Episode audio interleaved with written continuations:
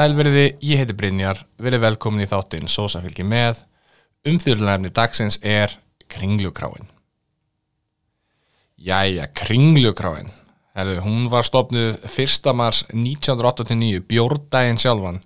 En fyrir þá sem ekki vita hvað bjórdagurinn er að þá er það dagurinn sem bjór var leifður aftur til sölu á Íslandi. Þannig að það er stór dagur fyrir íslenska þjóð og kringlukrána að sjálfsögðu. Það voru þeir Hannes Tómasson, Guðbjörg Gunnarsson, Reyni Sigursson, Haugur Örbjörnsson og Gísli Jónsson sem voru eigandur staðinist þegar hann opnaði.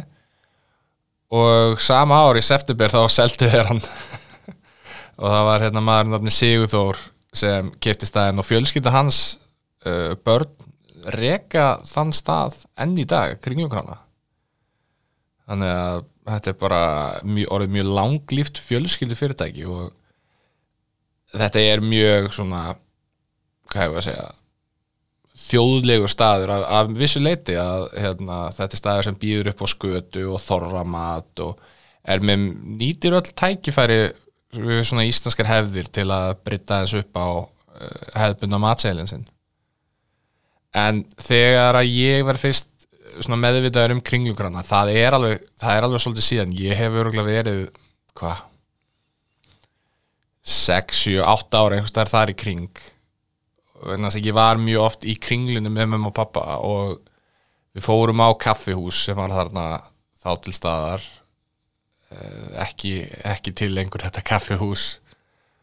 Og ég held að ætli það sé ekki það sem te og kaffi er núna það svæði, ætli það myndi ekki flokkast undir staðsetninguna þar sem þetta kaffihús var, þetta er náttúrulega mjög látt síðan þetta eru næstu í 30 ár síðan. En hvað er um það, en við fórum aldrei á kringlumkrána þetta, vegna, ég veit ekki af hverju en ég fekk alltaf svona tilfinningu. Já, meira að segja þessi barn og, og sem úlingur og svona, að þetta væri staður það sem ógæfu fólk fer á.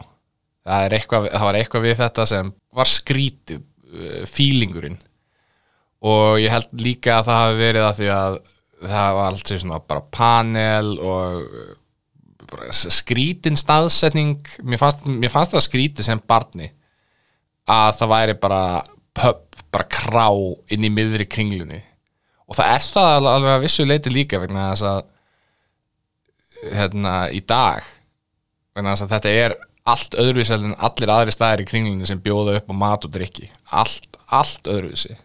Og síðan var alltaf hérna hvað heitir þetta, það voru með svona skilti fyrir ofan ingangi minni mig, það voru, ég held að hafi verið spilakassar hann inni, eða á svæðinu kannski hann aðeins til hliðar. Þannig að gullnáman og það. Og ég held að það hafi verið svolítið tenging eitthvað þar á milli, þannig að staðir sem voru með gullnámina fannst mér oft. Og, svona, og þessa típa spilakassa það var alveg fólk þar inni sem myndi kallast ógæfu fólk, eða var kallað ógæfu fólk fólk sem þurfti kannski að leita sér einhvers konar aðstofar og ég las í viðtali við eigunduna, þetta viðtali kemur út 2001 að eigundinu viljast hafa verið samála það staður fekk reynilega á sig einhvern stimpil um að þarna væri mikil, mikil drikkjumenning meðan veitingastæð meðan, meðan veitingastæðin var í raun og veru að reyna að vera meiri veitingastæð þetta var uh, þessi nýjir eigundur nýju eigundur inn að geða slappa. Vildu hafa þennan stað meir, sem meiri veitingastað heldur en krá? Af hverju þau skipta ekki um nafn, veit ekki það var stungið upp á því vist af einhverju markasvolki en ég allavega var með mjög mikið þannig bara svona hugafar mjög lengi. Í raun og veru kannski það er kannski ekki fyrir einhvern svona 2010-2011 sem ég bara svona já ok, fólk fer að er að fara að borða þarna áður að fyrir leikús það var svona kannski það sem fyrsta tengingi mín ég var bara, ha fyrir fólk þangað að borða? Ég held í alveg að fólk færi bara þangað til að ég held í alveg að fólk færi þangað til að drekka og ekkert annað. En svo eru þau með sérstakann leikúsmatsel sem er mjög sniðut að bjóða upp á uh, mat sem kannski er öðruvísi heldur en hefðbundi matselin eins og pítsur og eitthvað þannig sem staðurinn er yfirleitt með þannig að það ber að rósa fyrir slíkt finnst mér. En þetta er, já, þetta er rosalega skrítin staðsetning fyrir krá í raun og veru fyrir mér vegna að þetta er inn í miðri uh, þetta er í miðjum molli, þetta er í miðri kringlunni. Og þó að þetta sé vissulega veit ekki staði núna svona, þá heitir þetta kringlu kráin og var opnað með það í huga að vera bara pub. Vegna þess að meiri hluti þeirra, alveg örgulega mjög mikið meiri hluti, örgulega 90% af þeim sem koma í kringluna eru á bíl. Vissulega er ekkert allir sem eru á bíl það eru náttúrulega farþegar í bílum og eitthvað svoleiðis. En mér, mér, mér finnst þetta svolítið aðtilsverð staðsending út, út frá því sko. Og hérna annað sem ég tengi mjög mikið við kringlukrána er að sem barn og úlingur þá las ég dagblöð alveg bara fram og tilbaka. Ég, ég settist niður bara þegar ég, ég settist niður við stofuborðið heima og ég las bara frettablaðið eða mokkan eða hvað sem var til. Og ég tók alltaf eftir því að hérna, kringlukrána var að auglýsa. Og þetta voru alltaf hljómsveitir sem ég hef aldrei heyrt um og hef ekki heyrt um síðan og hérna ég skrifaði nefnir nokkuð nöfna af hljómsveitir sem ég fann. Það er Duetin Tara Brós Dagsins Sín S-I-N Dan Cassidy PKK Hot and Sweet Léttir Sprettir Júdas og Havrót rosalega nöfnan á ferðinni. Og þetta er mest allt annað í kringum aldamótin og staðinu verist hafa minkað svolítið við tónleikahald alveg svolítið bara alveg löngu fyrir COVID viljast að vera. En þetta var mjög lengi fyrir mér líka, já eins og ég segi, skemmtistæður bar og skemmtistæður, það var opið þarna, það var séringangur. Ég veit ekki hvort þessi séringangur er ennþá opið þannig að baka til að því að við komum inn kringlumegin. En það var opið þannig til þrjú sem er mjög skrítin pæling að hérna, vera inn í kringlunni þrjú um nótt finnst mér eitthvað rosa já, en til að vera sangið að það voru alveg nöfn hann að spila sem ég þekkir í dag eins og Geirmundur og uh, Sigurd Bindi eins og Björgvin Björgvin Haldós og Rækki Bjarnar og fleiri í þeim dúr Pálmi Gunnars. Þannig að þetta er þetta var ekki bara einhverju eitthvað no-name lið sem var að spila þarna. En svo er eitt sem ég heyrði þetta er orðrómur sem ég heyrði í úlingadeil í grunnskóla og ég var að heyra þetta alveg fram í, í mentaskóla og ég, hvað, þetta er svona, já, upp úr aldamótum. Og ég veit ekki hversu mikið er til í þessu en mér langar að deila, deila þessu með ykkur. Mér finnst þetta og finnst ennþá mjög áhugavert.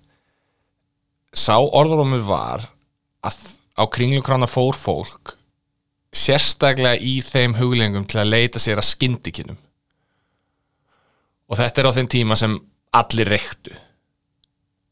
Og það voru allir með kveikjara á sér.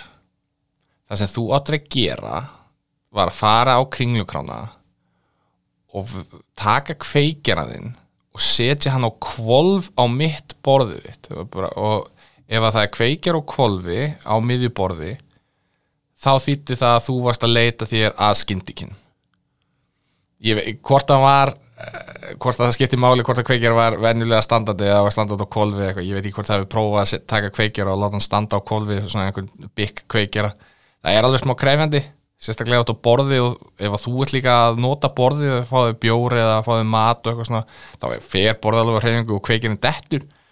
En mér döð langar til að vita hvort að þetta sé eitthvað alvöru eða hvort að þetta hafi bara verið uppspunni en þess að eigandi sæði að hann hefði upplifað mikla fordóma gagvar staðnum í, á þessu tímabili og ég veldi fyrir mig hvort að þetta tengist eitthvað inn í það þessi orðrómur. Ég veit það ekki en mér finnst þetta mjög skemmtilegur orðrómur saman hvort hann er sannur ekki. Og það var ennþá skemmtilegra ef hann væri sannur en maður veit ekki. En kíkjum á hvað heilblíðsættiliti sagði. The health inspector comes tomorrow. If he sees this, I close down. No warning, close down. Skalin eins og við veitum er 0 til 5. Heilbríðseftliti kom í heimsókn í janúar 2020. Fengu þrist, allt í lagi ekki gott. Eitt sem ég er 100% vissum að heilbríðseftlitið myndi setja út á núna ef að heilbyrðisættlitið myndi koma núna að kíkja á staðinn var að ég fór sér sett á salernið og þar var uh, vinu minn líka og hann var að þvó sér um hendunar það eru þrýr vaskar og hann var í miðju vaskinum að þvó sér um hendunar og ég fer að pissa og, og hérna fer að þvó mér um hendunar stendur á krananum í fyrsta vaskinum bilað búið að teipa svona með blað, teipa blað á kranan bara bilað, allt í lagi. Fer í kringum vinn minn í þriðja vaskin sem er lengst frá klósetunum. Og þar er bara engin krani. og ég fannst það eitthvað mjög fyndið að það eru þarna þessi þrýr kranar einn er bilaður, einn er ekki til staðar og einn virkar. Við í vinnunni fórum saman að hverja samstagsfólk sem var að hætta í vinnunni. Við fórum á happy hour á föstu degi fengum okkur líka að borða og ég ákvaði að senda skilabóð á að á samstagsfólk mitt og spurja hvað þeim fannst í raun og veru. En það svöruð mér ekki allir en hérna sendt mér svolítið stundum fyrir var þessi skilabóð og ég fekk nokkuð svörsamt hún Jara, samstagskona mín hún fekk sér pítsu sem heitir mozzarella og fannst hún alveg ótrúlega góð og góðu verði.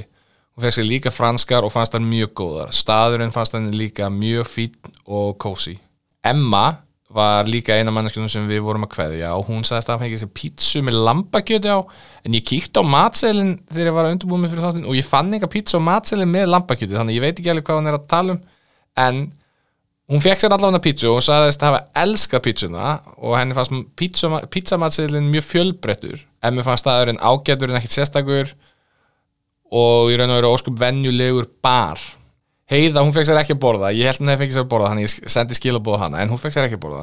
En henni fannst bjórin og stemman að vera 10 af 10 sem er náttúrulega, þú getur eiginlega ekki beðið um mikið meira. Ég fekk mér uh, pepperoni pítsu og hún var freka góð. Ég bara geng mjög sáttu frá borðið með þessa pítsu og mér finnst mér finnst staðurinn í raun og veru svolítið skemmtilegur. Þó að eins og ég hef talað um fyrir í þættinum að mér finnst staðsetningi svolítið spes þá er eitthvað við staði eins og kringlukrána og prikið og, og ærismenn sem er það er einhvern veginn skemmtilegur að drekka inn á svona stöðum finnst mér. Og gamli bar 11 var svona einhverju leiti ég, þetta, er, þetta er kannski bara ég. Ég hef engan áhuga á að vera inn á B5 að drekka, það er, það, ég vil ekki vera í jakkafötu nýri bæ, ég vil vera svona temmilega fít, fítklættur ef ég er nýri bæ, snirtilegur og fá með bjór í góðu yfirlæti í svona heimilislegu kósi umhverfi, það er ekkert kósi við svo marga staði á á, á Íslandi. Íslenski bara finnst mjög kósi hann, hann er svona með svipaðan feeling. Þið sjáu hvað, þið fatti hvað ég meina um hvað allir þessi staðir eiga samin sem ég er að tala um, það er einhver svona hlýjindi manni líður eins og maður sé velkomin, það er einhver hlýja sem tekur á móti manni sama þó að þetta sé inn í kringlinu ég, maður lætur alveg blekkjast. Kannski er þetta líka áhrifin frá sjónvarsþáttum eins og Cheers og eitthvað þannig að maður telur að svona eigi bar að líta út. Kannski er það að hafa mikil áhrif á mig en ég er algjör algjör sökkar fyrir svona fyrir svona dæmi og, og ég, mér finnst eiginlega vanta bara fleiri svona staði. Kannski ekki endilega fleiri en bara svona jú, kannski vanta bara fleiri síðan er hægt að fara millivegin í þessu eins og, eins og kaffi laugalegur er og, og kaffi vestað einhverju leiti líka. Það er það er millivegurinn milli BFM og kringlugrannar basically, finnst mér. Íslen, já, íslensk, íslenski barinn er svona millivegur líka, en já, heilt yfir þá bara kringlugrannar flottu staður. Ég var mjög sáttur með bara stemmaran og matinn og bjórin þannig að, þannig að það eru frekar sterk meðmæli frá mér og samstagsfólki mínu líka